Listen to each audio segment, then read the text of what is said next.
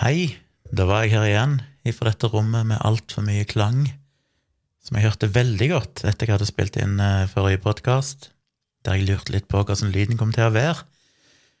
Og da jeg hørte på det etterpå Ikke at jeg hørte på podkasten min, det gjør jeg aldri, men jeg hørte litt når jeg redigerte bare før jeg skulle publisere den, og da hørte jeg jo at det definitivt er mye klang i dette rommet, nå som jeg har tatt ned alt av eh, akustiske paneler.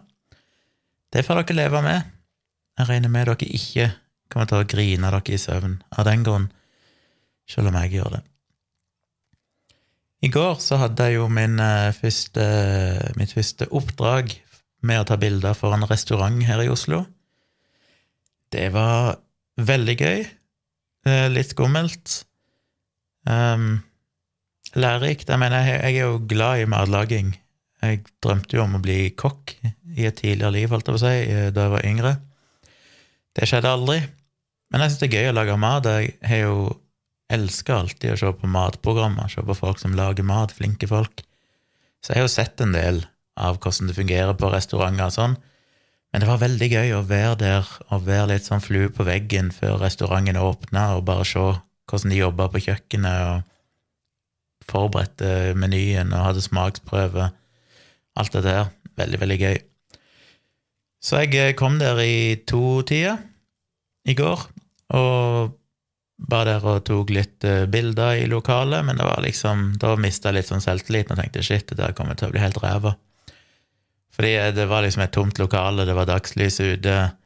Hva skulle jeg egentlig ta bilde av? Jeg prøvde å ta litt bilder av inventaret og, og, rommet, men det var liksom sånn, dette blir jo bare kjedelig. Og sånn er det ofte med foto. Det er vanskelig å gjøre ting bra hvis ikke det er noenlunde bra lys, og det er liksom et eller annet som skjer. Pluss at det ikke er så mye poeng i å ta bilde av et tomt lokale, for det er jo ikke innbydende for noen gjester. Så egentlig var det ikke så mye jeg kunne gjøre, men jeg, jeg lærte meg lokalet å kjenne og ble litt sånn vant med rommet og tok litt bilder, men jeg tror jeg ikke kommer til å bruke noen av de bildene som jeg tok den første timen. Men så begynte de etter hvert å, å jobbe på kjøkkenet, det kom flere og flere ansatte. Veldig lite kjøkken i den restauranten, så du ser egentlig alt som skjer, rett ifra utsida. Og det er så trangt at jeg kan egentlig ikke gå inn på kjøkkenet, for det er jo bare så vidt plass til å bevege seg tre-fire personer der inne. Eh, men de hadde en sånn disk, kjøkkendisk, holdt jeg på å si, mot, ut mot restauranten, og der gjorde de jo mye av de siste forberedelsene, og når de la maten på tallerkenene og sånn. Så de lagde mat, eh, testa ut en rett, eh, alle de andre kom for å smake på. Så testa de ut en annen rett, og når de begynte med det, da var det gøy å ta bilder. Da hoppet jeg fram med kameraet mitt og prøvde å ta fine nærbilder av maten og sånn.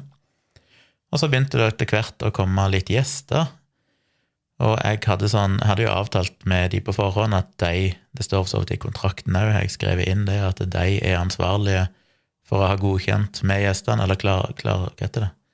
Avklart med gjestene at jeg kommer til å ta bilder, og at hvis det er noen gjester som ikke ønsker å være med på bilder, så må de gi beskjed om det. Det er ikke et ansvar jeg ønsker å ha. Så det var de flinke til. Det sa de til gjestene som kom, og bare opplyste de om at jeg var der for å ta litt bilder og sånn, og hvis det var noen som hadde noe imot det, så måtte de si ifra, men det var ingen av gjestene som sa noe på det. Nå tok jeg ikke så mye bilder av gjestene, for jeg syntes det var litt sånn Jeg hadde ikke lyst til å være påtrengende, jeg hadde ikke lyst til å ødelegge opplevelsen til gjestene med å stå og ta bilder og sånn, så jeg prøvde bare litt sånn diskré av og til å snike til med noen bilder. Eh, det kunne jeg sikkert gjort mer ut av, men jeg tror det blir bedre litt seinere i høst, kanskje. Vinter.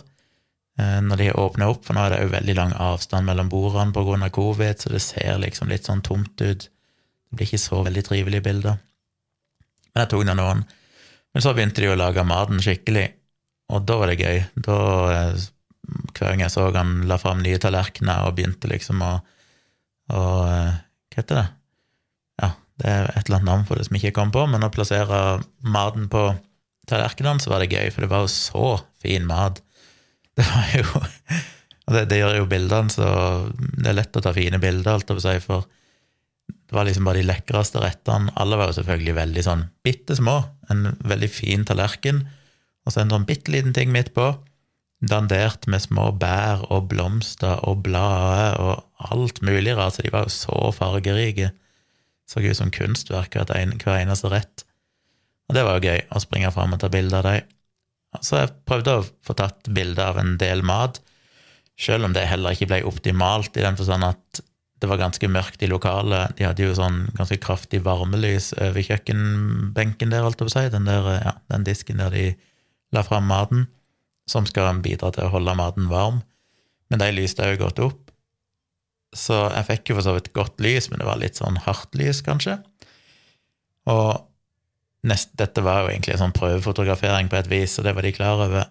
Så neste gang så skal de ha klar litt mat til meg i forkant, sånn at jeg kan flytte maten ut etter vinduene og få litt naturlig dagslys, mye, mye mer lys.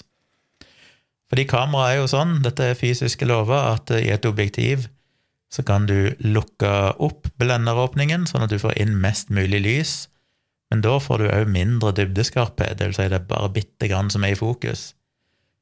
Vil du ha mer dybdeskarphet, altså at mer av objektet er i fokus, så må du lukke ned blenderåpningen, men da slipper du òg inn mindre lys.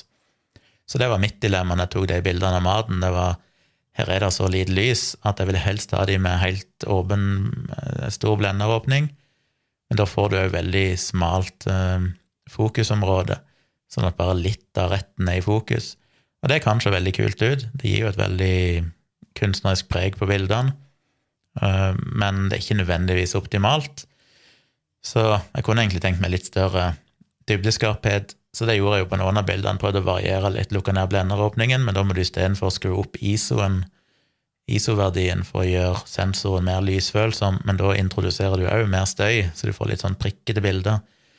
Nå er ikke det noe stort problem på disse nye kameraene, du kan booste ISO-en temmelig høyt uten at du egentlig får noe særlig dårligere bilder, så jeg var nok Kanskje litt konservativ, muligens. Alltid litt sånn redd for å skru opp ISO-en for mye. Pluss at du kan òg kjøre litt støyfjerning og sånn i etterkant. Og disse bildene skal jo primært, tror jeg, bli brukt i sosiale medier. Det blir litt sånn Instagram-poster og sånne ting, og da har det egentlig ikke så mye å si, for bildene er så små at du ser ikke den støyen uansett. Det er mer hvis du blåser de litt opp, at du begynner å legge merke til den. Men uansett, det er sånn kompromiss, da. Enten stor dybdeskarphet, og uh, mer støy, eller mindre dybdeskarphet, men mindre støy. Så jeg prøvde å variere litt. Så jeg var jo der Jeg skulle egentlig være der først en time, og så skulle jeg egentlig ta en pause, sa de, mens de begynte å forberede maten og sånn, og så kunne jeg komme tilbake når det begynte å komme gjester, eller litt etter at de første gjestene var kommet. Men jeg klarte jo ikke å gå, så jeg ble jo der hele tida, for jeg ville jo få med meg det som skjedde, og ta bilder. Så jeg var der jo totalt i fem timer, og det kan jo selvfølgelig ikke være hver gang, men det blir jo sånn første gang, for da må jeg lære meg litt eh, Ja, bare lære meg litt hvordan det fungerer. Så målet er jo at eh, neste gang jeg er der for å ta bilder, så regner jeg med jeg skal få det unnagjort på ja, maks et par timer, regner jeg med. Spesielt hvis de har litt mat klar, så kan jeg komme og i løpet av en time ta bilde av de matrettene, og så kan jeg kanskje komme tilbake litt seinere og ta litt bilde av servering og sånne ting. Så egentlig veldig kult, veldig gøy. Jeg tok jo sinnssykt mye bilder. Det var nesten som et bryllup. Jeg vet ikke helt hvor mange bilder jeg tok, men det var langt over 1000. Og skal egentlig levere 20 stykk. Så jeg har jo nå Det er jo det som alltid er det vanskelig, men jeg har gått gjennom alle bildene veldig fort og liksom bare valgt ut disse bildene er brukbare. Og da endte jeg vel opp med nesten 300 bilder. Og så må jeg sortere ut omtrent 10 av dem igjen, da. Jeg kommer nok til å overlevere litt første gang, mer enn det jeg har lovt i fordi ja, jeg ønsker å gi dem litt sånn variasjon første gang, så de ser litt hva jeg har å tilby, og så finner en litt ut av dette hvert hva de egentlig vil ha, og sånn, og da blir det i utgangspunktet ifølge kontrakten 20 bilder jeg skal levere hver gang. Og det kan jo endres. Hvis de finner ut de trenger flere, så kan vi endre avtalen. Hvis ikke de trenger fullt så mange, så kan vi endre avtalen til å levere mindre. Så det ser vi litt an. Dette er jo litt, det er jo informert om dette er litt sånn prøveprosjekt. Vi må finne det ut begge to, hva vi egentlig ønsker, hvordan ting fungerer. og så men det kule er det at nå har jeg jo tatt de bildene, og det ble jo en del bra bilder, tror jeg, så da kan jeg òg etter hvert, når jeg har redigert de ferdig, legge de ut på eh, fotosida mi, som er på foto.tjomli.com, og da har jeg litt referansebilder, så jeg kan begynne å sende ut noen markedsføringsmailer til andre restauranter. Da både i Oslo og Kristiansand, som blir mitt nedslagsfelt i framtida. I går hadde vi òg en eh, VI-prat den tredje i historien inne på kritisketenkere.no. for alle VIP-medlemmer. Eh, det var veldig kult. Det var over dobbelt så mange som sist. Og eh, vi hadde et tema som en av eh, deltakerne der hadde foreslått, som vi egentlig skulle ha forrige uke, men da var vi så få at det var litt sånn vanskelig å, å diskutere en, et stort tema. Men vi tok det denne gangen, og brukte over en time på det. Temaet var vel egentlig noe i den retning av vi kjenner til liksom høyreekstreme krefter, eller iallfall eh, ekstremister på høyresida, eller ikke nødvendigvis på ekstremister, men òg den litt sånn ytre høyre, alt-right-bevegelsen i USA og sånn. Eh, og så var påstanden da at det fins, eller fins det, en tilsvarende greie på venstresida, altså hvor er det det ekstreme venstre, de venstreekstreme? Så ble det jo litt, litt fram og tilbake først med å bare definere hva menes egentlig med det. Eh, hva er forskjeller og likheter? Så vi begynte egentlig der, men så fortsatte egentlig etter hvert debatten til å over til Ja, hva var det? Vi endte vel opp i hvert fall et sted borte med kritisk tenking og den oppvoksende generasjon. Eh, eller hva er det som fører til polariseringen i samfunnet? Hvordan kan vi motarbeide det? Hvordan er unge folk versus eldre folk når det gjelder kritisk tenking, og det å forholde seg til kildekritikk og sånn? Veldig kul debatt. Og eh, det fungerte veldig bra, fordi vi hadde en veldig tydelig ordstyring. Jeg var ordstyrer, og de som ville snakke, rekte opp hånda. Det kan du enten gjøre fysisk foran kamera, eller du kan gjøre det virtuelt i Zoom. Med å trykke på en knapp, så kommer det opp en liten hånd som viser at jeg vil prate. Så det var veldig, det var veldig, veldig ryddig og organisert. Og så må jeg òg nevne at det var vel totalt sett tre stykk som var med, som ikke hadde på kamera. Eh, hun ene introduserte seg, men etter det så sa hun ikke noen ting. Noen andre introduserte seg bare via tekst. De bare skrev i chatten hvem de var. For jeg oppfordrer alle til å bare gi en liten introduksjon. Hvor de bor hen, hvor de jobber med, eh, eventuelt alder, bare så vi liksom har et lite bilde av hvem deltakerne er. Så egentlig de tre som ikke hadde på kamera, de deltok ikke i debatten. Men det er helt i orden, så det kan dere vite hvis dere har lyst til å være med. Så er det fullt mulig å delta, men bare ikke ha på kamera og ikke snakke hvis ikke dere vil det. Det er helt fair. Vil dere snakke, så kan dere rekke opp ei virtuell hånd og snakke uten å ha på bilde, hvis dere helst ikke ønsker på webcam. Men det er helt lov å ikke si noe. Så tre av de var egentlig bare publikum, nesten. Altså de bare lytta på, men det tror jeg òg kan være interessant. Så det skal dere vite. Hvis dere har lyst til å være med og syns det er litt skummelt, så går det an å joine og ikke verken snakke eller vise dere sjøl. Men selvfølgelig er det jo veldig kult om dere gjør det men det er ingen, eh, ingen, skam å ikke gjøre det. Og vil dere være med neste onsdag, så er det bare å registrere seg på kritisketenkere.no, som er helt gratis. Du kan bruke det forumet der, som er et forum for kritiske tenkere. Vil du være med på Veiprat, så må du bli betalende medlem på nivå VIP-medlem. Det finner du der inne. Og da kan du joine alle de fremtidige Veipratene. Og før jeg glemmer det, så må det nevnes at i morgen kveld litt usikker på når, men det blir kanskje ikke før elleve. Så blir det Ærlig talt med meg og Tone. Da blir det livestream fra stua. Og det var veldig kult sist gang, for da co-streama vi til hennes YouTube-kanal, der hun er tusenvis av internasjonale følgere, så det var jo en del amerikanere og litt sånn som fulgte med òg. Så det gjør vi sikkert neste gang òg. Da blir det litt sånn Det blir jo primært norsk, men det blir litt engelsk innimellom hvis det er ting vi føler de bør få med seg, eller hvis de stiller noen spørsmål på engelsk, så, så tar vi litt på engelsk. Så det håper dere vil joine. Der eh, er dere jo helt anonyme, det er jo ingen som ser dere. Dere kan velge sjøl om dere vil skrive i chatten, eller bare sitte og se på på mobilen eller TV eller datamaskin, eller der dere måtte se YouTube.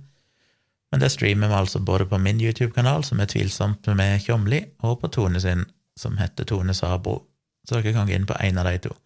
I tillegg så streamer vi det vel på eh, Facebooken min og på Twitter. Selv om der er det vel basically ingen som ser på. Det er noen få på Facebook. Jeg tror ikke det er noen på Twitter. Jeg streamer på Twitch eh, en del ganger, men det har jeg stoppa med nå, for det ender bare opp med at det kommer noen sånne idioter fra Twitch og begynner å skrive greier, så jeg ender opp med å blokkere de. De bare skriver enten rasistiske ting eller bare kommer med usakligheter. Så tror ikke Twitch er noen gunstig plattform å bruke til litt mer seriøse ting. I eh, hva, Nå er det torsdag. I forgårs, eh, dagen etter, for, eller dagen etter jeg spilte inn forrige episode, da fortalte jeg jo om at vi hadde rydda ut av boligen og alt dette her, vaska og styrt. På tirsdagen så kom det jo en takstmann grytidlig på morgenen og gikk gjennom boligen for å sjekke liksom, alt det tekniske og måle opp og alt mulig sånn, for å sjekke at alt stemmer. Og etter han hadde gått, så hadde vi noen timer før boligfoto kom, og da tok vi en sånn siste vask, og da gikk jeg over og vaska vinduskarmer og styrte med Ja, vi fikk gjort det, det resterende. Vaska ned kjøkken, eller vaska Kjøkkenet var jo rent, vi hadde allerede vaska det, men tok den sånn siste shiningen siden vi hadde brukt det i mellomtida. Og litt sånn. Så kom boligfotografering-duden, eller boligfotografen, som han vel heter, og tok bilder. Jeg syns selvfølgelig det er litt interessant, for jeg er jo nysgjerrig på alt har med foto å gjøre. Og eh, de bildene har vi ikke fått ennå. Han sa han skulle sende de dagen etterpå. Vi har ikke fått de ennå, så jeg håper de kommer snart. Men jeg blir spent på å se hvordan de ser ut. Og egentlig skal boligannonsen ut i morgen, altså fredag den 13. Å, oh, en dårlig dato. Men eh, foreløpig har vi ikke fått noen korrektur eller noen ting på den. Vi har ikke fått noen preview av den, så litt usikker på om han kommer ut i morgen, eller om de er forsinka av en eller annen grunn. Vi får se. Men det nærmer seg at ting skjer her. Før jeg går over til det som jeg tenkte skulle være brorparten av denne episoden Jeg er veldig dårlig til å lage podkast, jeg burde jo ha introdusert med det, men eh, det står vel i, i beskrivelsen når jeg poster podkasten, og i tittelen. Så må jeg si at uh, jeg har jo spist uh, Det er kanskje drøyt å kalle det vegansk, uh, eller ikke bare kanskje, det er veldig drøyt å kalle det vegansk. Jeg prøver å spise alt som ellers ville vært kjøtt. Jeg spiser jo ikke kjøtt. Jeg har ikke spist uh, kjøtt nå på Begynner å, å bli en stund. Det, det, er ikke helt en måned ennå, men det nærmer seg vel en måned, tror jeg. Iallfall tre uker. Um, og det har gått veldig greit. Men jeg jukser jo veldig, fordi jeg spiser jo litt fisk. Og jeg eh, inntar jo ting med melk. Så jeg bruker jo litt ost og jeg spiser litt fisk. Men ellers så har jeg jo bare trykt i meg veganske ting. Eller tilnærmet veganske, iallfall. Det er mulig det kan være litt melk i brødet og sånne ting, men, men som sagt, jeg er ikke så firkanta på det. Målet er å ikke spise kjøtt, og bare unngå kjøtt når jeg kan unngå det. Og det er klart, og jeg har jo spist mer burgere enn jeg har gjort noensinne i mitt liv. For jeg har funnet ut at det er like gøy å drive og teste ut de her veganske burgerne og så lage mine egne hamburgere hjemme. Og det har vært veldig vellykka. Og i dag jeg har prøvd mange forskjellige. Jeg har prøvd Vegmi sine, jeg har prøvd eh, Helsans kjøk, heter de vel, sine, som er sånn frosne. Og så bestilte jeg ifra Oda, tidligere kolonial.no, så de hadde et sinnssykt utvalg av veganske produkter nå, det må jeg si er bra. Dessverre så leverer de ikke i Kristiansand, så det mister vi jo når vi flytter, men men uh, ja, de hadde, jeg søkte på vegansk i går når jeg eh, gikk inn og skulle bestille litt mer der, og så plutselig hadde de fått så mye nytt. Og de hadde blant annet Beyond Burger. Det har jeg vel alltid innbilt meg er liksom ja, på en måte nummer to etter Impossible Burger, som jo foreløpig bare er solgt i USA, tror jeg, og som vil aldri komme til Norge, ettersom den vel inneholder genmodifisert um, et eller annet som er genmodifisert, noe soya eller et eller annet sånt. Mens Beyond Burger fins her. Og tenkte den må jeg teste. Den har jeg hørt mye bra om. Og det er nok definitivt den beste av de burgerne jeg har prøvd. De andre smaker jo egentlig ikke så veldig mye, eh, men det funker helt fint, for de har liksom rette teksturen stort sett og sånn, og gir deg god og mett, og jeg slenger på en del krydder og sånn. Jeg lager jo de herligste burgerne, må jeg bare si. Kjøper burgerbrød, kjører på med litt barbecue-saus, salat, masse salat, um, rødløk, strimler, agurk. Uh, så hiver jeg på en burger som jeg smelter litt ost på, og hiver på litt ketsjup på toppen. Så blir det jo bare guddommelig godt, og en del krydder. Men uh, Beyond-burgeren skilte seg ut fordi den faktisk hadde litt sånn kjøttsmak. Ikke at det er noe jeg savner, det er totalt likegyldig egentlig om det smaker kjøtt eller ikke, men det var bare interessant at de har klart det. Det var litt sånn shit, dette her hadde noen servert meg det og ikke fortalt meg hva det var, så hadde jeg tenkt ja, dette er en, en vanlig hamburger. Så det ble jeg virkelig imponert av. Men jeg tror nok òg det var den beste rent sånn teksturmessig. Så uavhengig av smaken, så tror jeg nok eh, i den grad jeg kan få tak på Beyond Burger, så kommer jeg til å å kjøpe det. Problemet med burgeren, nå som jeg driver og skal innta lite kalorier, prøver å gå ned i vekt, som fortsatt foreløpig går bra, eh, så er det jo det at hamburgerbrødet har sinnssykt mye kalorier. Det er jo det som er så deprimerende. Så må se om jeg finner et godt alternativ der, for som vanlig hamburgerbrød det er jo dobbelt så mye kalorier i brødet som det er i resten av greia. Det er jo ikke så mye kalorier i burgeren sammenlignet med brødet. Det er jo tre ganger mer i brødet. Så det der fuckings alt av brødmer, det er så forbanna energitett. som vel er grunnen til at brød var en stor suksess tidlig i menneskehetens historie. Men eh, så jeg må finne et godt alternativ til hamburgerbrød som kanskje er litt mindre kalorier, selv om det er ikke noe problem heller. Eh, det skal jo smake godt òg, så det er godt med et godt burgerbrød, men men ja, så Beyond Burger, thumbs up, må jeg si.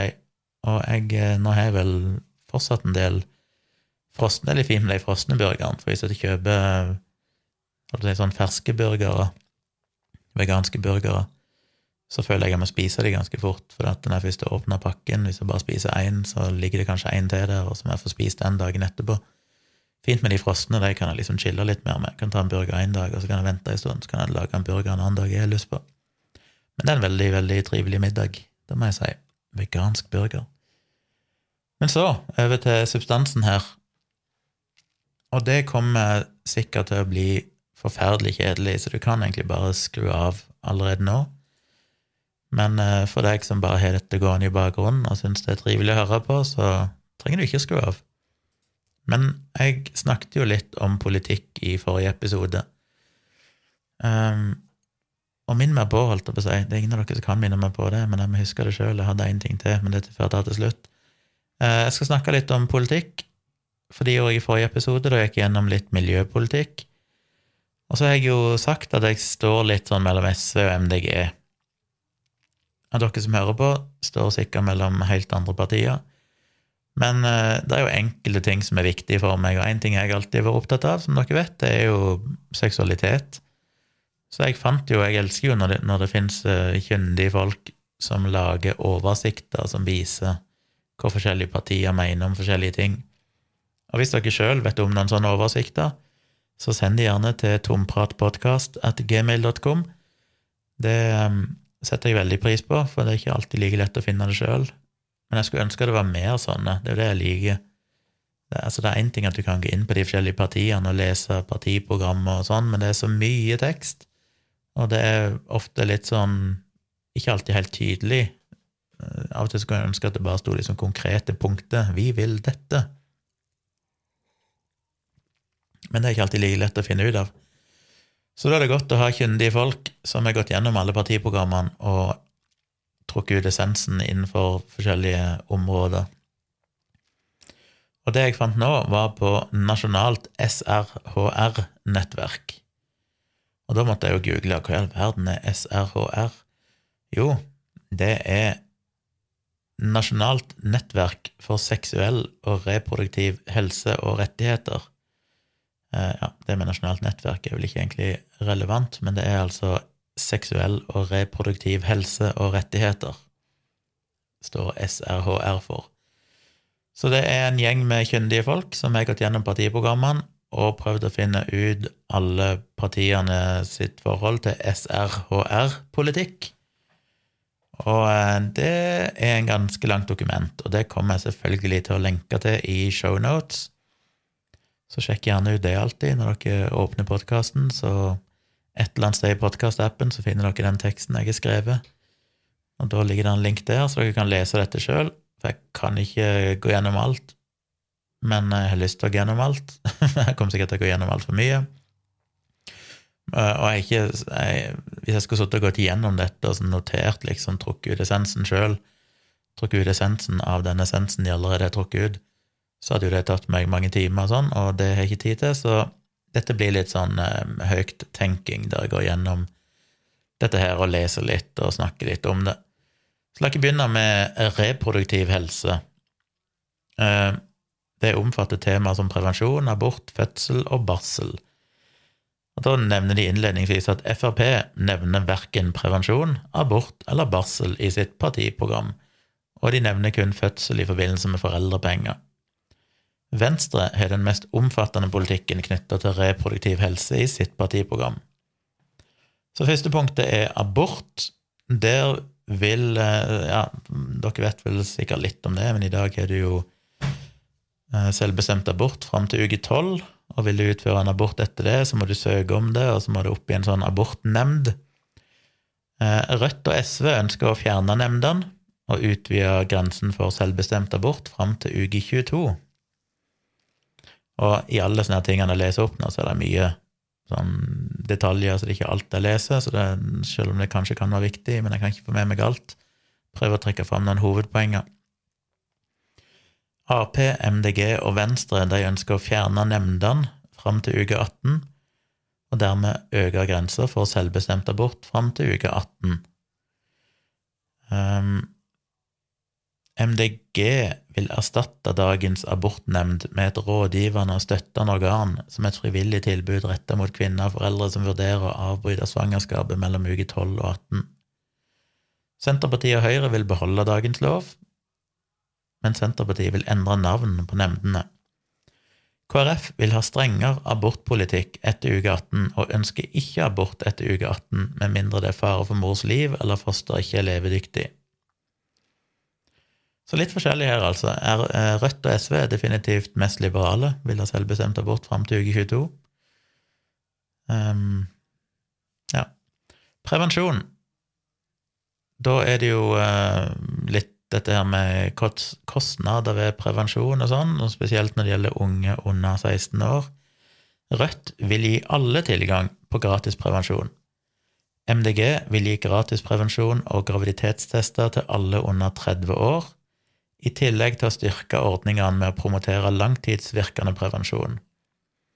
Og det er vel det som jeg leste etter, det som kalles for LARK, som basically er kobberspiral, hormonspiral og p-stav som det er vel brei enighet om at en egentlig burde bruke mer av, visstnok, fordi det fungerer bra. Så MDG vil jobbe for det. Um, de vil altså MDG vil òg inkludere unge under 16 år i statens subsidieordning for prevensjon, og sikre helsesykepleiere og jordmødre rekvireringsrett på langtidsvirkende prevensjon, altså LARC, LARC, også for den aldersgruppen, altså de under 16. KrF vil gi gratis prevensjon til alle opptil 25 år, inklusiv LARC. SV vil gi prevensjon gratis til unge jenter, òg for de under 16 år. Ap vil utvide ordningen med gratis prevensjon for unge jenter og kvinner, men spesifiserer ikke noen alder.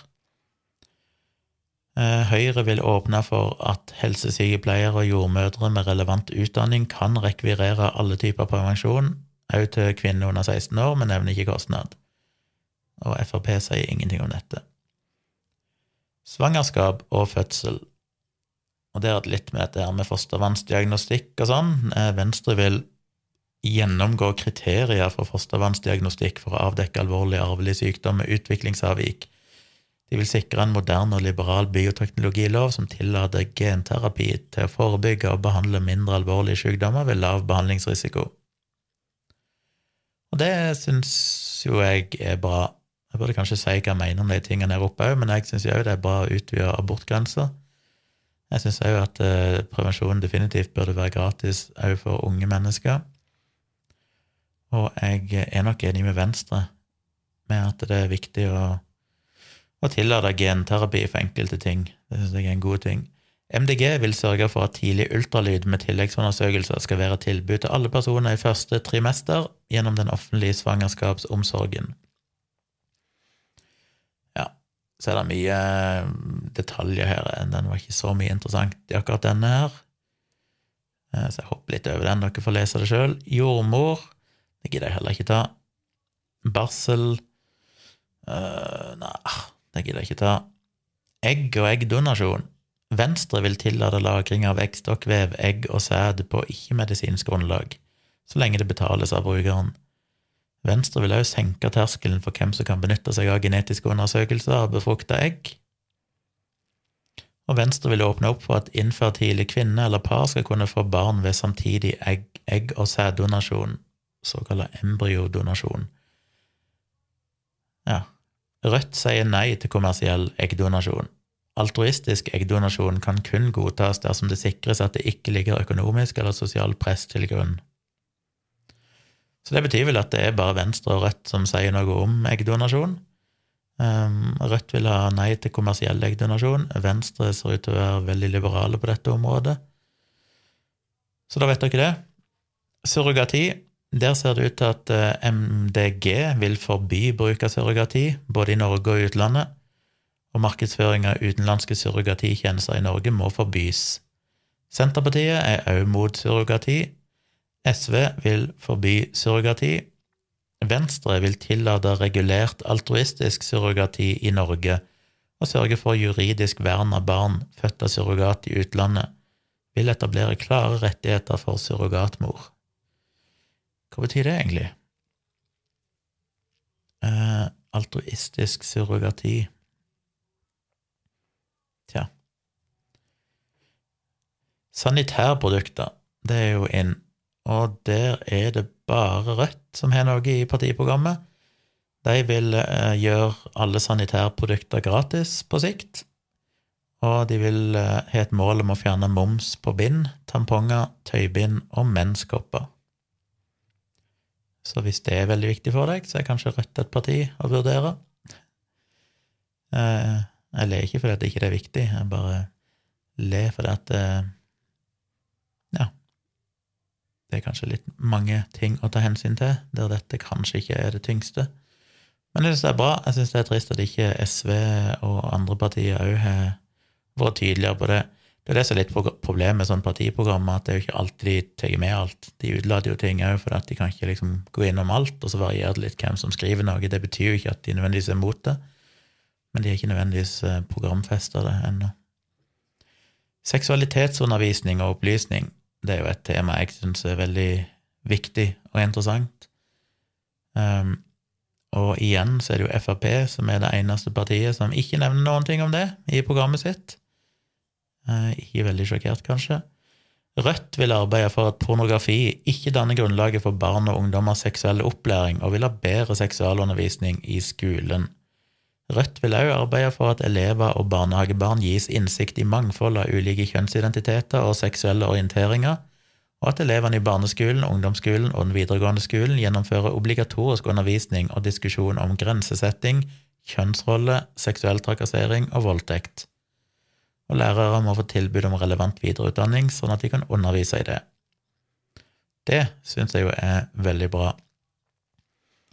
SV vil arbeide for bedre seksualundervisning, og peker på at samfunnet har ansvar for å sikre god og kunnskapsbasert seksualitetsundervisning som bryter ned forestillinger om idealkropper og sikrer god informasjon om retter og grensesetting. De vil også styrke seksualitetsundervisningen når det gjelder kjønnsidentitet, grenser og samtykke. De vil arbeide for eh, at skole, alle skoler skal ha forpliktende handlingsplaner mot seksuell trakassering og at barnehager tar opp seksualitet, grensesetting og tema som kan avdekke vold og overgrep, skal være en del av rammeplanen for barnehagene, og ansatte skal få styrke kompetansen på disse feltene. Jeg syns det er bra at både Rødt og SV er veldig tydelige på at de vil ha seksualitetsundervisning helt ned i barnehagealder.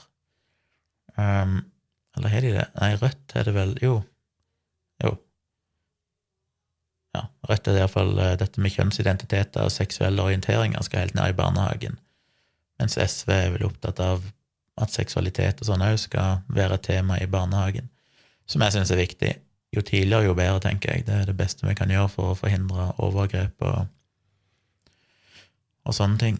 Ap vil arbeide for bedre seksualitetsundervisning og opplysning. De vil arbeide for å sikre god familieplanlegging og hindre uønska svangerskap gjennom god seksualopplysning, tilgjengelig langtidsvirkende prevensjon og en abortlov som sikrer kvinnene retten til å bestemme over liv, eget liv og helse.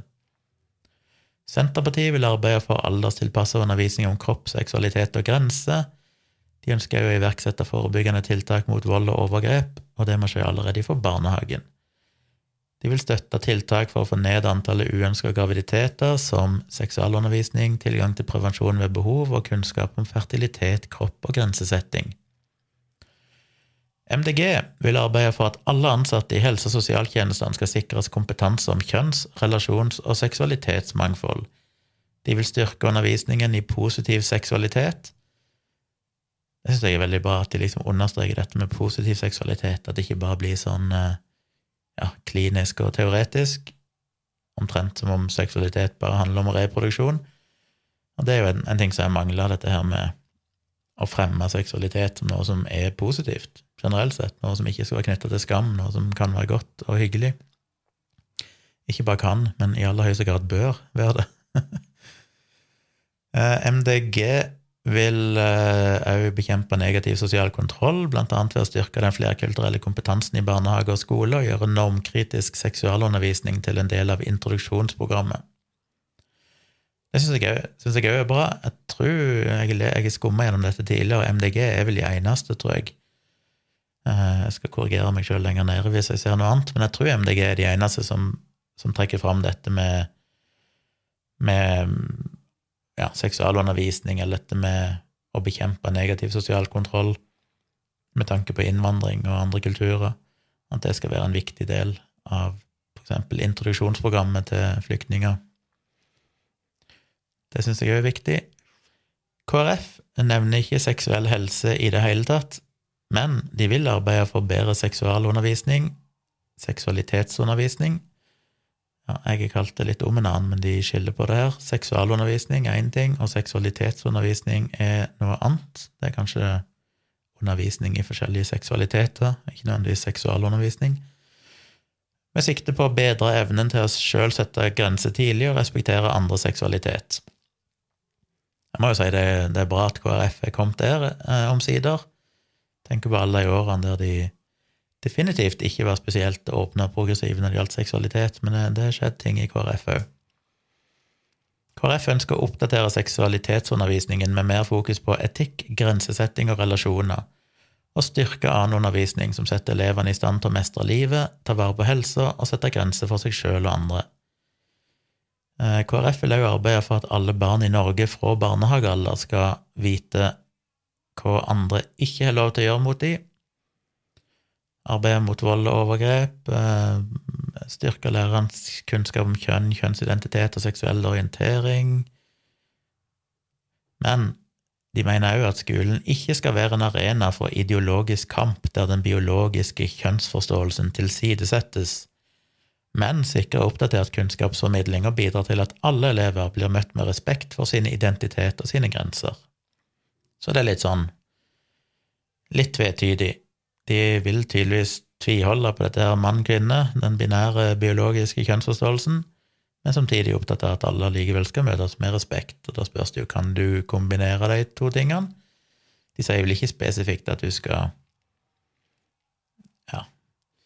Skolen skal ikke være en arena for en ideologisk kamp, men det betyr vel at de da heller ikke vil at det skal egentlig undervises i at det finnes noe annet enn mann og kvinne, samtidig som du skal respektere de som ikke føler at de passer inn i det. Det blir jo litt sånn litt eh, politikerprat. Venstre vil arbeide for å få økt fokus på mangfold av seksuelle orienteringer og retten til å være seg sjøl helt fra barnehagetrinnet. Fokusere på grensesetting og kompetanse om upassende oppførsel overfor barn Um, ja, når det gjelder seksualitetsundervisning, så vil de ha en brei tilnærming til seksualitet, sånn at barn og unge opplever skolen som en trygg arena for å lære om kropp, helse, integritet, integritet og grensesetting, lyst og mangfold. De vil fokusere på mangfold av seksuelle orienteringer og retten til å være seg sjøl i barnehagene.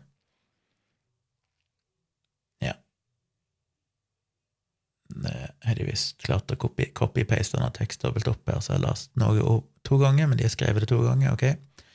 Høyre vil arbeide for å sikre tilstrekkelig kompetanse om LHBT pluss på hver enkelt skole. De ønsker at barnehagen skal ha seksualitet om grensesetting og grensesetting som tema. De vil styrke en helhetlig seksualitetsundervisning, herunder reproduktiv helse, kjønnsmangfold, LHBT pluss, kropp og grensesetting i barneskolen. Seksualitetsundervisning er ikke nevnt når det gjelder ungdoms- eller videregående skole, heller ikke i høyere utdanning. Ordet seksualitet er kun nevnt én gang i Høyre sitt partiprogram. Frp derimot, de nevner verken seksualitet eh, eller de nevner ikke ordet seksualitet, verken i forbindelse med undervisning, rettigheter eller noen andre tema. Så ja, det er igjen kanskje ikke så overraskende. Så over på et nytt tema, likestilling. Jeg skal ikke um, gå gjennom alle de, det kan dere lese sjøl. Um, det går gjennom likelønn, barnetrygd, kontantstøtte. Der vil jeg bare påpeke at uh, Rødt og SV ønsker å fjerne kontantstøtte og heller innføre en ventestønad mens en venter på å få plass i barnehage. Venstre og Høyre ønsker å fjerne kontantstøtta, mens Senterpartiet vil beholde den, og KrF vil utvide kontantstøtta. Personlig så er jeg jo ikke en av tilhenger av kontantstøtte, for jeg mener at barn bør helst være i barnehagen, og kontantstøtte er jo noe som blant annet hindrer god integrering eh, fra flyktninger innvandrere. Så jeg syns det er viktig å få barn inn i den offentlige, eller inn i barnehagen tidlig, og eh, kontantstøtten blir liksom en sånn støtte til å holde ungene hjemme, som ikke jeg tror er en god ting, verken for samfunnet eller barna sjøl. De skriver litt om opptjening av fødselspenger, omsorgspermisjon og permisjon ved fødsel. På permisjon ved fødsel så står det veldig, veldig mye. Orker ikke gjennom det. Familiepolitikk, det syns jeg er litt interessant, for der er det kun KrF som skriver noe om det, og de skriver, hold dere fast, det er det eneste partiet som ønsker å utrede en reform i familiepolitikken for å øke fødselstallene og senke gjennomsnittlig alder for førstegangsfødsler. hmm. De ønsker en full gjennomgang av vilkår for studentforeldre, for foreldrepenger og andre relevante ordninger. Så KrF vil at vi skal ha mer barn, og helst eh, føde de så tidlig som mulig. Ja Det er vel òg, eh, etter mitt syn, dårlig miljøpolitikk, men det er jo en stor debatt. Um, så kommer dette med alternative livsvalg i minoritetsmiljøer. Høyre nevner eksplisitt i sitt partiprogram behovet for å forsterke arbeidet for likestilling og aksept for alternative livsvalg i minoritetsmiljøet og sørge for god opplæring av innvandrere særlig knytta til ytringsfrihet, aksept for kvinner, seksuelle og religiøse minoriteter. Og det syns jeg er en god ting. Og det er litt skuffende kanskje at ikke andre partier nevner noe om det. Det er vel en av de plassene der en kan frykte at det er litt sånn berøringsangst. Men der syns jeg jo partiene burde vært tydeligere på at det er faktisk viktig. Frp de nevner i sitt partiprogram at de ønsker å gjennomføre obligatorisk, grundig og realistisk opplæring i forventninger og norske verdier før flyktninger får komme til Norge. Så det er vel egentlig på en måte det samme som Høyre sier, bare at Høyre sier det jo på en si, fornuftig måte. Frp sier det jo på en uh, måte som er typisk Frp, der det de, de, må jo selvfølgelig bruke norske verdier, som om noen har klart å definere hva i all verden det er for noe. Og eh, det skal liksom da være krav omtrent før flyktninger får lov å komme her, at de må ha tilpassa seg de norske verdiene, som er ganske ironisk, for det jeg tror andelen mennesker, eller andelen menn, for eksempel, som har kvinnediskriminerende holdninger, vil jeg anta er høyere i Frp enn i de fleste andre partier. Så det er ganske hyklerisk. Så litt om utdannelse og stillingstitler. Venstre er det eneste partiet som vil fortsette å jobbe for å endre norske stillingstitler sånn at de blir mest mulig kjønnsnøytrale. Og det syns jeg er en god ting. Så bra, Venstre. Så kommer et nytt hovedsegment som heter Kjønn, identitet og mangfold. Der eh, nevner jo selvfølgelig ikke Frp noen ting om det. De skriver ingenting om kjønn, identitet og mangfold tilknyttet seksuell og reproduktiv helse og rettigheter i sine partiprogram.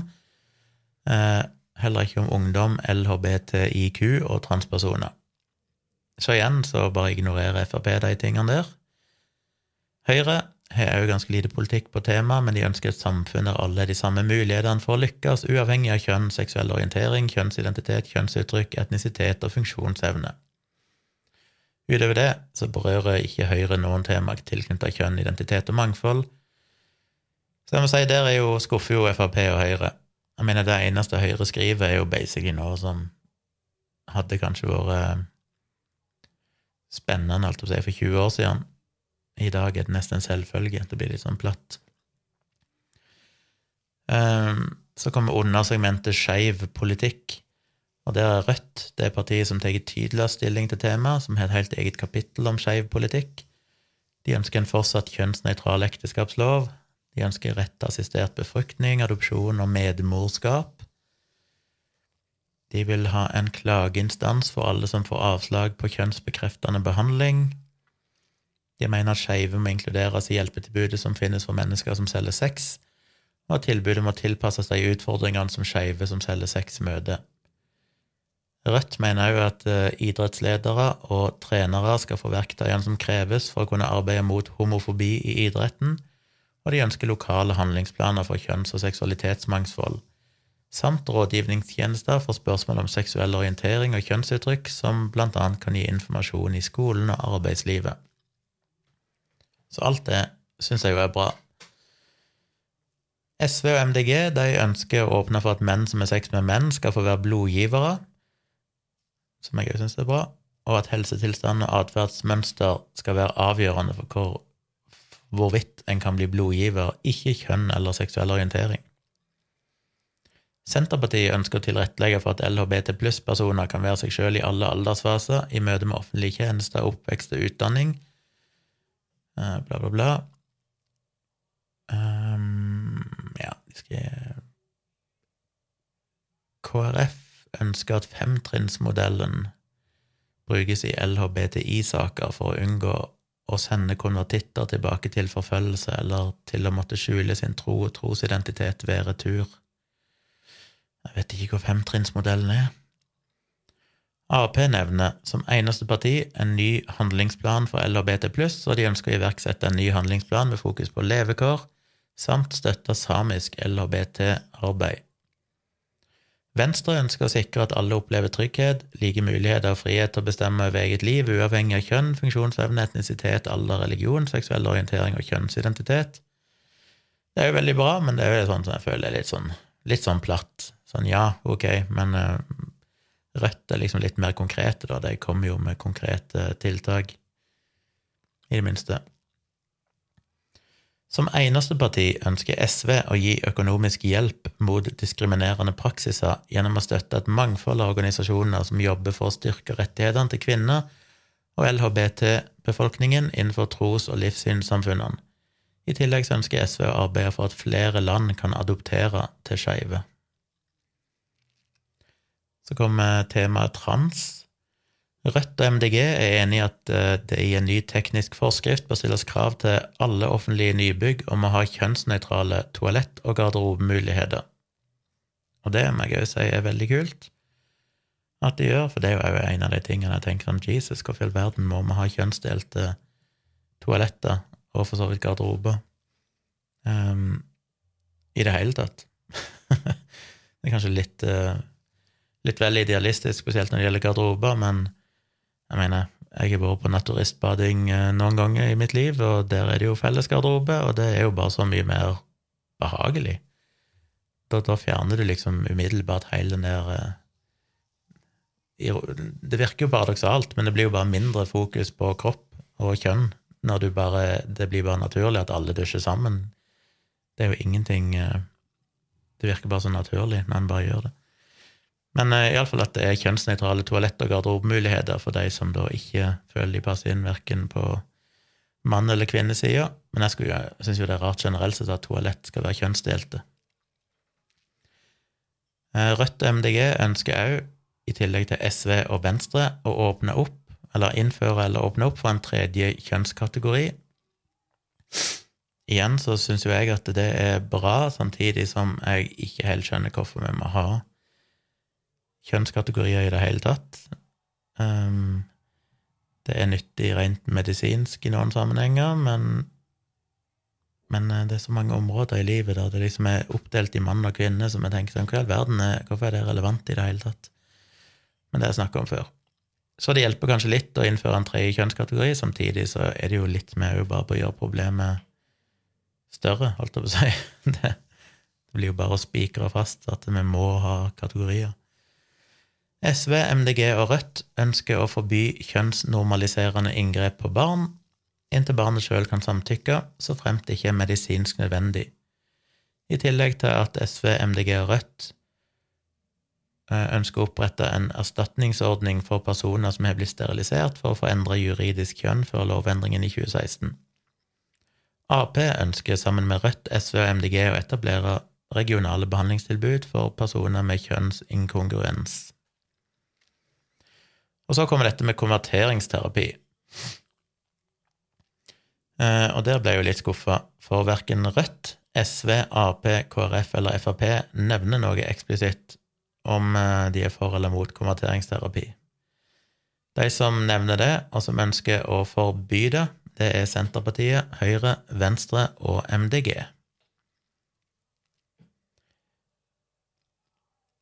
Så er det et lite kapittel om seksuelt overførbare infeksjoner og det nevnes egentlig ikke av noen partier, bortsett fra at SV ønsker å oppheve kriminaliseringen av hiv-positive seksualliv, som jeg òg syns er veldig bra for de hiv-positive som eh, får behandling, går på medisiner, er jo ikke noe mer smittsomme enn en, en ikke-hiv, eller en hiv-negativ person er.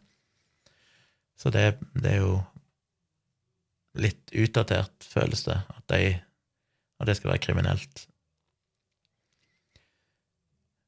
kommer det, ja, så kommer det litt sånn generelle greier om eh, seksualitet og folkehelse, som jeg ikke gidder å ta. Så er det lovgivning og straff. Og det har alle partier via litt eh, del, eller ja, via litt plass til i partiprogrammene. SV, MDG, og Rødt og Venstre er de partiene som tydeligst tar stilling til denne tematikken. Det går altså på seksuelle overgrep, seksuelle overtredelser, voldtekt, nettovergrep og samtykke. Eh, Ap, Senterpartiet, KrF, Høyre og Frp har fokus på det. De tar ikke så tydelig stilling til det.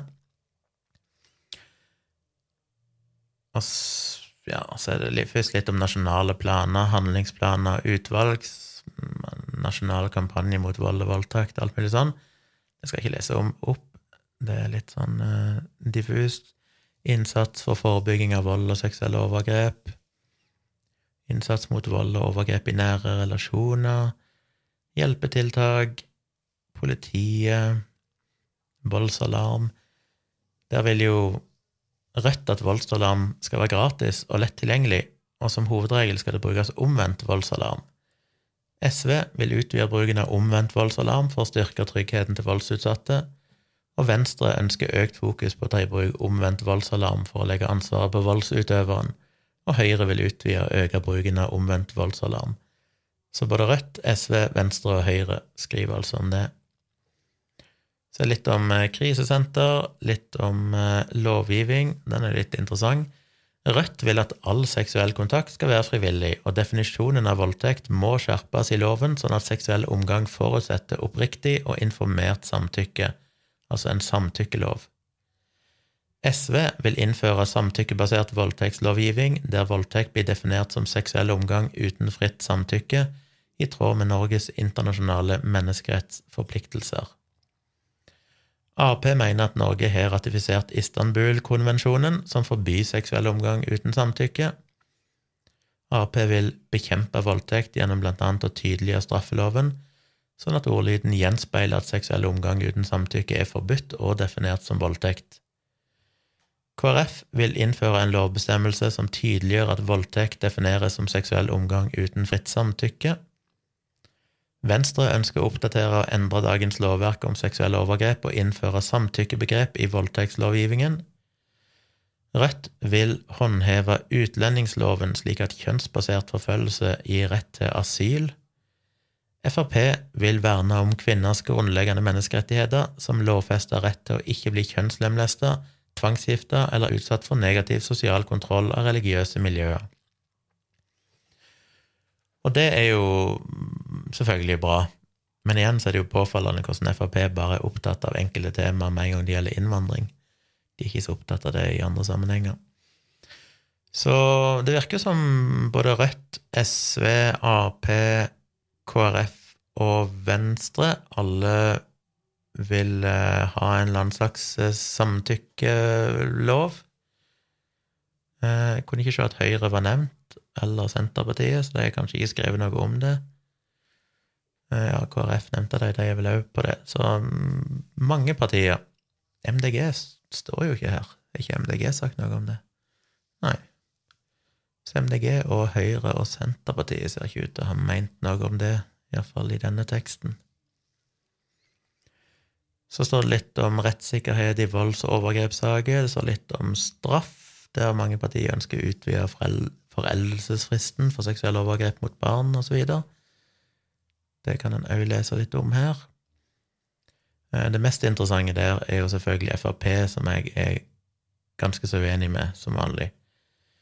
Eh, de vil fjerne foreldelsesfristen for fysisk og psykisk vold mot barn. Det er jeg ikke uenig i. Men de vil gi mulighet til kjemisk kastrering på personer som blir dømt for seksuelle overgrep. De vil at alle som blir dømt for alvorlige overgrep mot barn, automatisk skal bli idømt en forvaringsdom. De vil etablere et offentlig register på personer som har begått overgrep mot barn, og de vil åpne for å varsle lokalsamfunnet om personer som gjentatte ganger er blitt dømt for alvorlige overgrep mot barn. Og de som har fulgt med på det jeg driver med, vet jo at jeg har skrevet litt om det. Jeg har en lang bloggpost nettopp om dette her med sånn offentlig register for overgrepsdømte, og dette med nabovarsling og sånn, som det er enkelte land som har. USA, Storbritannia, Australia har prøvd det. Det har ikke vært så veldig gode erfaringer. Eh, koster mye penger, har mye negative konsekvenser, og eh, ser ikke ut til egentlig beskytte noen som helst. Egentlig bare gjør det folk mer utsatt, både barn og familie og omgangskrets til de som eventuelt måtte være dømt for overgrep, som ofte blir utsatt for vold og trakassering og sånn. Så det funker ikke. Det, det er en sånn Frp-greie som bare høres uh, Denne klassiske at vi skal være harde mot kriminalitet. Men uh, effekten av dette er kanskje bare at de øker risikoen for overgrep. Så det var verdt å nevne. Så nevner de litt om internettkriminalitet og barn og sosiale medier. Eh, det skal jeg hoppe over. Så kommer dette med kommersiell bruk av seksualitet. Og det gjelder jo da eh, reklame, porno, stripping og salg og kjøp av sex. Eh, der reklame Rødt ønsker å ha en reell merking av retusjert reklame, mens MDG ønsker å forby slik retusjering når den, fremhever, når den fremmer urealistiske kroppsidealer. Litt overraska over at ikke SV hadde noe der. Det trodde de hadde pleid å ha. Når det gjelder porno, så vil KrF og SV innføre pornofilter i skolene og andre offentlige institusjoner hvor barn oppholder seg. Og det er jo på sånne ting jeg blir skuffa av SV. SV er ganske nærme KrF på enkelte sånne enkelte sånne greier som bare virker veldig bakstreversk. Pornofilter, altså, det er 90-talls. Det Ja. Rødt ønsker Altså, problemet med pornofilter er jo to ting. Det ene er at det jo Kanskje virker det for eh, barne, barneskolealderbarn som kanskje ikke er teknisk kompetente, men for de fleste andre så er det folk som fint klarer å komme seg rundt det. Det er verdens enkleste ting å gjøre. Og det andre er jo det at de pornofiltrene har jo ofte en tendens til å òg blokkere sider som eksempel omhandler seksuell helse og informasjon som barn definitivt burde ha tilgang til. Så det, de er problematiske, de pornofiltrene. At det virker som en sånn banal måte du skal løse et problem på. Ja, la ikke innføre et pornofilter. Det er jo Ja. Rødt ønsker å arbeide for at pornoparagrafen håndheves. Litt usikker på hva det betyr. Det er vel sånn fortsatt at teknisk sett så er jo mye av pornografi ulovlig, er det ikke det i Norge? men det blir egentlig ikke håndhevd. Men Rødt vil ha tilbake igjen det, tydeligvis. KrF ønsker å utrede unges pornobruk og hvordan det påvirker dem. De ønsker òg, som eneste parti, å utrede konsekvensene av at stadig flere barn og unge ser pornografisk innhold på nett, og hvordan vi skal møte denne utviklingen med bedre opplæring og tiltak for å forhindre en seksualisering av barne- og ungdomstida. Videre ønsker, de, videre ønsker KrF å sikre barn og unges personvern ved annet å skjerpe personvernkrav i produkter og tjenester som er retta mot barn og unge, samt arbeide for at alle skoler skal installere filter mot porno og skadelig vold på skolens digitale medier. Så ja, det er bare KrF og SV, de vil ha pornofilter, og Rødt vil eh, arbeide for at pornoparagrafen håndheves. Men det er bare KrF, SV og Rødt som tydeligvis har sagt noe om porno. De andre partiene har ikke noe mening om det. Stripping. Rødt og SV ønsker å forby kommersiell stripping. Ingen av de andre partiene nevner noe om det. Og så er det salg og kjøp av sex, og der savner jeg litt mer informasjon. Det står at Rødt og SV ønsker å styrke ulike hjelpeprogrammer for sexarbeidere. De ønsker òg å sikre rettssikkerhet, trygghet og opphold for utenlandske sexarbeidere. Det er bra, men det står ikke noe om sexkjøpsloven, så jeg vil anta at de eh, er for å beholde den sånn som den er i dag. Senterpartiet ønsker iallfall å opprettholde dagens sexkjøpslov. Ap og KrF mener ingenting om dette i programmene mens Venstre vil endre sexkjøpsloven og hallikparagrafen for å sikre sexarbeiderens rettigheter og gjøre hverdagen tryggere. Og Høyre og Frp vil oppheve sexkjøpsloven. Så Venstre, Høyre og Frp ser ut til å ville oppheve sexkjøpsloven, som jeg òg mener vi bør gjøre. Jeg mener både Amnesty, Verdens helseorganisasjon, organisasjoner som jobber med sexarbeidere og sånn, er jo alle enige om at den er uheldig, og allikevel så tviholder vi på den i Norge. Jeg syns alltid det er rart når norske myndigheter tviholder på noe der både Verdens helseorganisasjon og Amnesty, jeg mener såpass tunge aktører, går ut og, og mener at den bør avvikles, men Men ja. Så er det litt om tilbud og rådgivning. Um, verken SP Nei, verken, uh, verken SV, mener jeg. Verken SV, Ap, Venstre eller KrF nevner noe om helsestasjon for ungdom eksplisitt mens andre partier tydeligvis nevner litt om det, for de skriver litt om helsestasjon for ungdom, litt om andre tilbud, kvinnehelse, kompetanse og sånn. Jeg skal ikke lese alt det. Så kommer det et kapittel om livsløps, livsløpsperspektiv, og der er det kun Høyre som snakker noe om det i forbindelse med seksualitet og reproduktiv helse.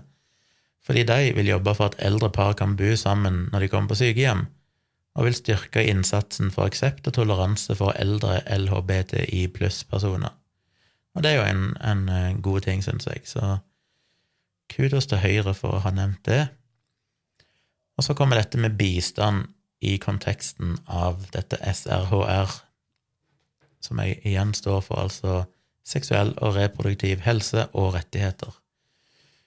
Og ja, det står mye der men eh, Rødt ønsker å støtte kvinners rett til abort og prevensjon over hele verden, og gi kvinner fra land der abort er kriminalisert, rett til å ta abort i Norge. De ønsker òg om høyna kompetanse om seksualitet og kjønnsidentitet hos UDI og UNE ved intervju av flyktninger som søker på bakgrunn av seksuell orientering eller kjønnsidentitet, og krav om sånn kompetanse ved alle statlige asylmottak. LHBTI pluss skal bli en del av introduksjonsprogrammene for nyankomne flyktninger, eh, sikre transpersoners tilgang til behandling, hormoner etc., mens de venter på svar om de har fått innvilget asyl eller ikke. De vil også støtte organisasjoner som jobber internasjonalt for kvinners rett til utdanning og familieplanlegging. SV vil at Norge skal gi politisk og økonomisk støtte til organisasjoner som sikrer prevensjon og trygg abort, de vil også gi beskyttelse til kvinner som fengsles på grunn av, abort, grunn av abort, samt utrede muligheten for å tilby abort til kvinner fra land hvor dette er straffbart. Ap sier ingenting eh, om dette generelt sett. Senterpartiet Hva er det de skriver?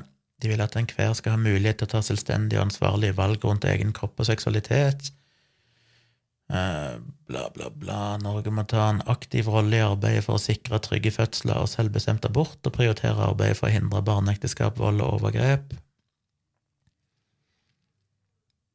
Ja. MDG vil støtte opp om aktører som jobber for trygg, lovlig og selvbestemt abort og økt tilgang på trygge aborttjenester globalt. Arbeider for at lovforbud mot sex mellom mennesker av samme kjønn fjernes over hele verden og prioriterer støtte til organisasjoner som kjemper mot lovforbud, inkludert lokale skeive organisasjoner. KrF vil arbeide for at alle involverte parter i væpna konflikt iverksetter tiltak for å beskytte kvinner, menn, jenter og gutter mot kjønnsbasert vold, voldtekt og andre seksuelle overgrep. Bidra aktivt til å motvirke diskriminering på bakgrunn av seksuell orientering eller kjønnsidentitet. Styrke tilbudet til tannbehandling for mennesker som er utsatt for seksuelle overgrep og tortur. Venstre ønsker et mer forpliktende internasjonalt samarbeid eller arbeid for å fremme frihet. Uh, litt uh, En setning som ikke henger sammen her. For å fremme frihet, menneskerettigheter, står det. FNs 17 bærekraftsmål nevnes, og Venstre vil jobbe for at Norge når egne nasjonale mål og sørge for at norsk politikk støtter opp under måloppnåelse i andre land. Ønsker spesielt fokus på at Norge skal, bli, skal bedre vilkårene for menneskerettigheter i Europa. Høyre vil sørge for at Norge fører en politikk som fremmer trosfrihet, kvinners rettigheter, likestilling eller BT pluss-personers rettigheter internasjonalt. Prioriterer seksuelle minoriteter, hele familier og personer med høy sannsynlighet for integrering i uttak av kvoteflyktninger. Asylsøkere og flyktninger i likekjønna forhold skal ha krav på familiegjenforening med ektefellepartner, der dokumentasjonskrav skal kunne erstattes med sannsynliggjøring for land som begrenser adgang til likekjønna ekteskap-partnerskap. Det høres bra ut. Frp, derimot, de er negative til hele temaet og mener at bistandsbudsjettet skal reduseres kraftig. Bistand til nød- og katastrofehjelp gjennom nasjonale og internasjonale organisasjoner samt den humanitære hjelpen til flyktninger i nærområder til krig og konflikt skal økes. Så igjen så bryr jo ikke Frp seg så veldig når det gjelder innvandrere, de vil bare at de skal ta til seg norske verdier og helst ikke komme her. Så det. Så det var alt. Eh, jeg hoppet over ganske mye her, som sagt, men jeg trakk fram det jeg syns kanskje var mest interessant sjøl. Jeg lenker jo til denne, så dere kan eh, lese at dere blir våte i øynene. Blir folk våte i øynene av å lese? Jeg vet ikke. Det er ikke så trist lesing, dette her. Men interessant, syns jeg, å se litt hva forskjellige partier mener om dette. Og Det er sikkert vanskelig å huske, men da har dere iallfall fått uh, litt innsikt i hva som står i de forskjellige partiprogrammene. Og hvis ikke dere husker hva de forskjellige partiene sto for, så er det jo bare å gå inn på den artikkelen og sjekke det ut, eller gå inn på de enkelte partiprogrammene og finne det sjøl. Etter å ha lest dette, så ble ikke jeg nødvendigvis så mye klokere på hvorfor et parti jeg syns er best her. Jeg syns Rødt kanskje Jeg tror kanskje Rødt og MDG er noen av de som scorer høyest. Eh, Venstre er jo veldig tydelig på enkelte ting som andre partier ikke er så tydelige på. Og jeg syns SV har generelt sett en god politikk, men ja, bare sånn magefølelsen jeg sitter igjen med etter å ha lest dette, er jo gjerne at Rødt så ut til å være det partiet som kanskje skriver mest om de her tingene, som kanskje tar dette med seksualitet og reproduktiv helse mest på alvor. Så ja, så det syns jeg er bra. SV skuffa meg vel litt på enkelte områder. Um, og så ble jeg egentlig positivt overrasket over hva, hva både Høyre og Senterpartiet skriver, og til og med KrF. Jeg syns jo generelt sett at alle i partiene er mer progressive enn det jeg kanskje hadde trodd. Og Frp er jo basically helt ubrukelig når det gjelder sånne ting som dette her. Så hvis du bryr deg om disse temaene, ikke stem Frp. Men ja, det var, det var, nesten sånn etter å ha lest dette, jeg tenkte sånn shit, burde jeg vurdere Rødt? Burde jeg vurdere å stemme på Rødt? Nå ble jeg bare enda mer forvirra. Hm. Ja, jeg har ennå litt tid på meg. Men jeg må gå gjennom flere sånne ting, så send meg tips hvis dere finner noen sånne oversikter. Jeg vil veldig gjerne ha hjelp til det. Send det til tompratpodkast.gmail.com. Jeg ønsker å lære mer, og jeg håper jo at det kan være interessant for dere å høre at jeg eh, går litt gjennom det. Eh, selv om dere bare kunne lese sjøl, selv, selvfølgelig, men av og til er det litt greit å høre noen snakke om det. Kanskje lettere å få det med seg for enkelte. Så det gjør jeg veldig gjerne. Og så, helt til slutt, det som jeg ikke skulle glemme, var at i forrige episode så snakket jeg jo litt om eh, sanger som jeg ikke klarte å høre på, fordi det ble for et eller annet emosjonelt eller sterkt eller bare ubehagelig av en eller annen merkelig grunn på en positiv måte, som allikevel er negativ. Og jeg har fått to mailer om det. Jeg har en følelse at noen sendte meg en melding et eller annet sted òg, men som jeg har sagt før, send det helst på mail til tompratpodkast.gmail.com, fordi når dere skriver ting på Instagram eller Twitter og sånn, så, så, forsvinner det. Da klarer jeg ikke å få det med meg hvis jeg ikke husker å lagre det umiddelbart eller et eller annet. Hvis jeg får det på mail, så ligger det her til jeg er ferdig med episoden, og da glemmer jeg det ikke. Jeg har fått mail fra en som heter Kim. Han eh, takler ikke sangen Seasons in the Sun av Terry Jacks. Han syns det er en veldig fin sang, men han sliter med å høre på den. Han klarer bruddstykket av han, men hvis han hører hele sangen, så kommer tårene. Han klarer andre versjoner av sangen, så det er ikke nødvendigvis bare teksten i seg sjøl, men det er tydeligvis et eller annet med akkurat den innspillingen av Terry Jacks som rører han. Og det er interessant, og det kan jeg jo for så vidt forstå. Eh, det er kanskje litt annerledes enn det jeg snakket om, fordi her er det jo veldig sånn Ja, ja, kanskje ikke, men uh, her er det jo helt tydelig noe veldig emosjonelt. Og ja, ja, det er kanskje det samme, for han sier jo at det er ikke nødvendigvis kun teksten, det er bare et eller annet med akkurat det opptaket, så det jeg snakket om i forrige episode, var jo det at jeg ikke helt klarer å definere hvorfor, for det er jo sanger jeg syns er fine, og jeg har ikke nødvendigvis noen negative assosiasjoner til de, men de blir bare for krevende på et vis, bare sånn emosjonelt og mentalt krevende. Jeg har fått en mail, eller to mailer fra ei som heter Anne, som først bare skrev en mail der hun starta med 'ja', altså to utropstegn. har hatt det sånn siden jeg var liten. Fikk hetta av mektig orkestermusikk fordi det var for vakkert og stort. Alt mulig rart. Husker for eksempel noe orkester-intromusikk til et naturprogram på TV2 på tidlig 90-tall som jeg reagerte på på den måten. Kan ikke høre på for eksempel Philip Glass i bilen. Da begynner jeg bare å sippe. Tror det er hovedgrunnen til at jeg ikke hører på musikk mens jeg jobber, selv om jeg har lyst, fordi jeg kan få en sånn voldsom emosjonell respons på omtrent all musikk, bortsett fra veldig upbeat pop og hiphop omtrent. Det er nesten et lite problem for meg. Du har sikkert hørt om frison. Har tenkt at det er en slags intens utgave av det. Frison det glemte jeg å google når jeg fikk mailen, for det hadde jeg ikke hørt om. Frison eh, Det franske ordet frison betegner en kort følelse som vanligvis beskrives som behagelig, men overveldende emosjonell respons på stimuli. Dette kan eksempel være et stykke musikk. Frison oppstår ofte samtidig med piloereksjon eller gåsehud, hvor små muskler kalt arektor pili trekker seg sammen. Så det er egentlig å få gåsehud og en veldig emosjonell respons. Hm. Det er vel det som kanskje er knyttet opp mot sånn uh, uh, oh, Jesus, hva er dette? Um, herregud. Sånn uh, oh. Det er som de lager sånn YouTube-video av. Når folk bare lager sånne lyder. Uh, gjør ting inni mikrofonen. Så det er helt stille for meg. Men alle dere vet hva jeg mener. Jeg kommer bare ikke på det akkurat i farten. Det bare glipper helt. Men det er vel knytta opp mot det, regner jeg med. At det er vel litt av den samme, samme greia. Men ja, det høres ut som det. Men jeg fikk en mail igjen noen minutter seinere. Der skriver hun at hun glemte å sende med eksempler. Så den sangen hun Eller forrige sang som hun hadde det sånn med, var Le Fleurs av Minnie Ripperton. Den brukes i et ganske storslagent shot helt på slutten av skrekkfilmen Us av Jordan Peel. Forventet vel ikke å bli rørt av fantastisk musikk i en skrekkfilm, men filmen bøyer sjangeren litt.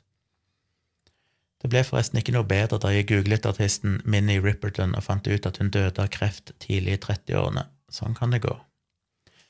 Ja, det er veldig kult å høre at det er andre her som føler det på samme måten. Eh, send gjerne fortsatt en mail til meg hvis dere kjenner dere igjen i dette med musikk dere rett og slett bare ikke kan høre på, selv om dere syns det er fint, fordi det blir for overveldende på en eller annen måte. Send det på meg på mail, så skal jeg gjerne snakke om det. Jeg syns det er gøy å høre om, eller hvis det er andre ting dere har samme greia med. Trenger jo ikke nødvendigvis være musikk. Um, jeg vil jo anta at folk kan ha den type respons på annen type stimuli òg. Så uansett, takk til Kim og Anne for mail, det setter jeg veldig pris på. Send meg gjerne mail på tompratpodkast.gmail.com hvis dere har tips til tema jeg skal ta opp, hvis dere har disse politi, politiske oversiktene som jeg har bedt om, eller bare har kommentarer eller ris eller ros til det jeg snakker om. Det setter jeg alltid pris på. Så da minner jeg igjen om at jeg er tilbake igjen i morgen sammen med Tone. I morgen kveld, eller fredag kveld, rettere sagt. Vi er jo bikka midnatt, så nå er det fredag. Eh, bli med på det. Det var jo langt over 100 personer en periode sist. Jeg tror mange av de var utenlandske, og så forsvant de litt eh, når de hørte vi snakka norsk. Så kanskje vi må være tydelige helt fra starten neste gang på at vi kommer til å snakke litt engelsk òg, sånn at ikke de bare faller av lasset med en gang. Men vi har jo aldri hatt så mange seere før, så det var veldig kult. Så vi håper dere blir med på det. Det heter Ærlig talt, så bare søk etter det i morgen kveld, så finner dere den eh, livestreamen oppretta og klar til å kjøre i vei klokka elleve. Uh, ja, det var vel det jeg hadde. Så da vil jeg igjen takke for at dere hørte på. Håper dere ble klokere. Håper ikke dere sovner underveis. Selv om eh, sønnen av Dag Søra syns jeg er den kjedeligste og Jeg er så treig når jeg snakker. Ifølge Dag sin siste podkast. Dag måtte høre meg på 1,8. Det skjønner jeg veldig godt, for jeg er veldig treig. Eh, hadde jeg hørt meg sjøl, så hadde jeg minst hørt meg sjøl på 1,8. Det er jo et tips til dere som er der ute. Hvis dere syns jeg snakker for seint, får dere en skikkelig podkast-app. For eksempel Pocketcasts kan anbefales, eller Overcast det er visst òg en god en, selv om jeg foretrekker Pocketcast. Der kan dere stille opp hastigheten. Jeg hører jo de fleste podkaster på 1,5. Hvis det er litt mer krevende tema, så skulle det kanskje ned til 1,2 eller 1,3. Og av og til så er det noen podkaster jeg kan høre på to ganger normal hastighet. Syns det er mer effektivt. Men uh, stort sett 1,5 jeg har, for ellers går podkastene for tregt. Så Hør gjerne tomprat på minst 1,5, så blir det kanskje enda bedre. anyway, jeg skal ta kvelden. Vi høres.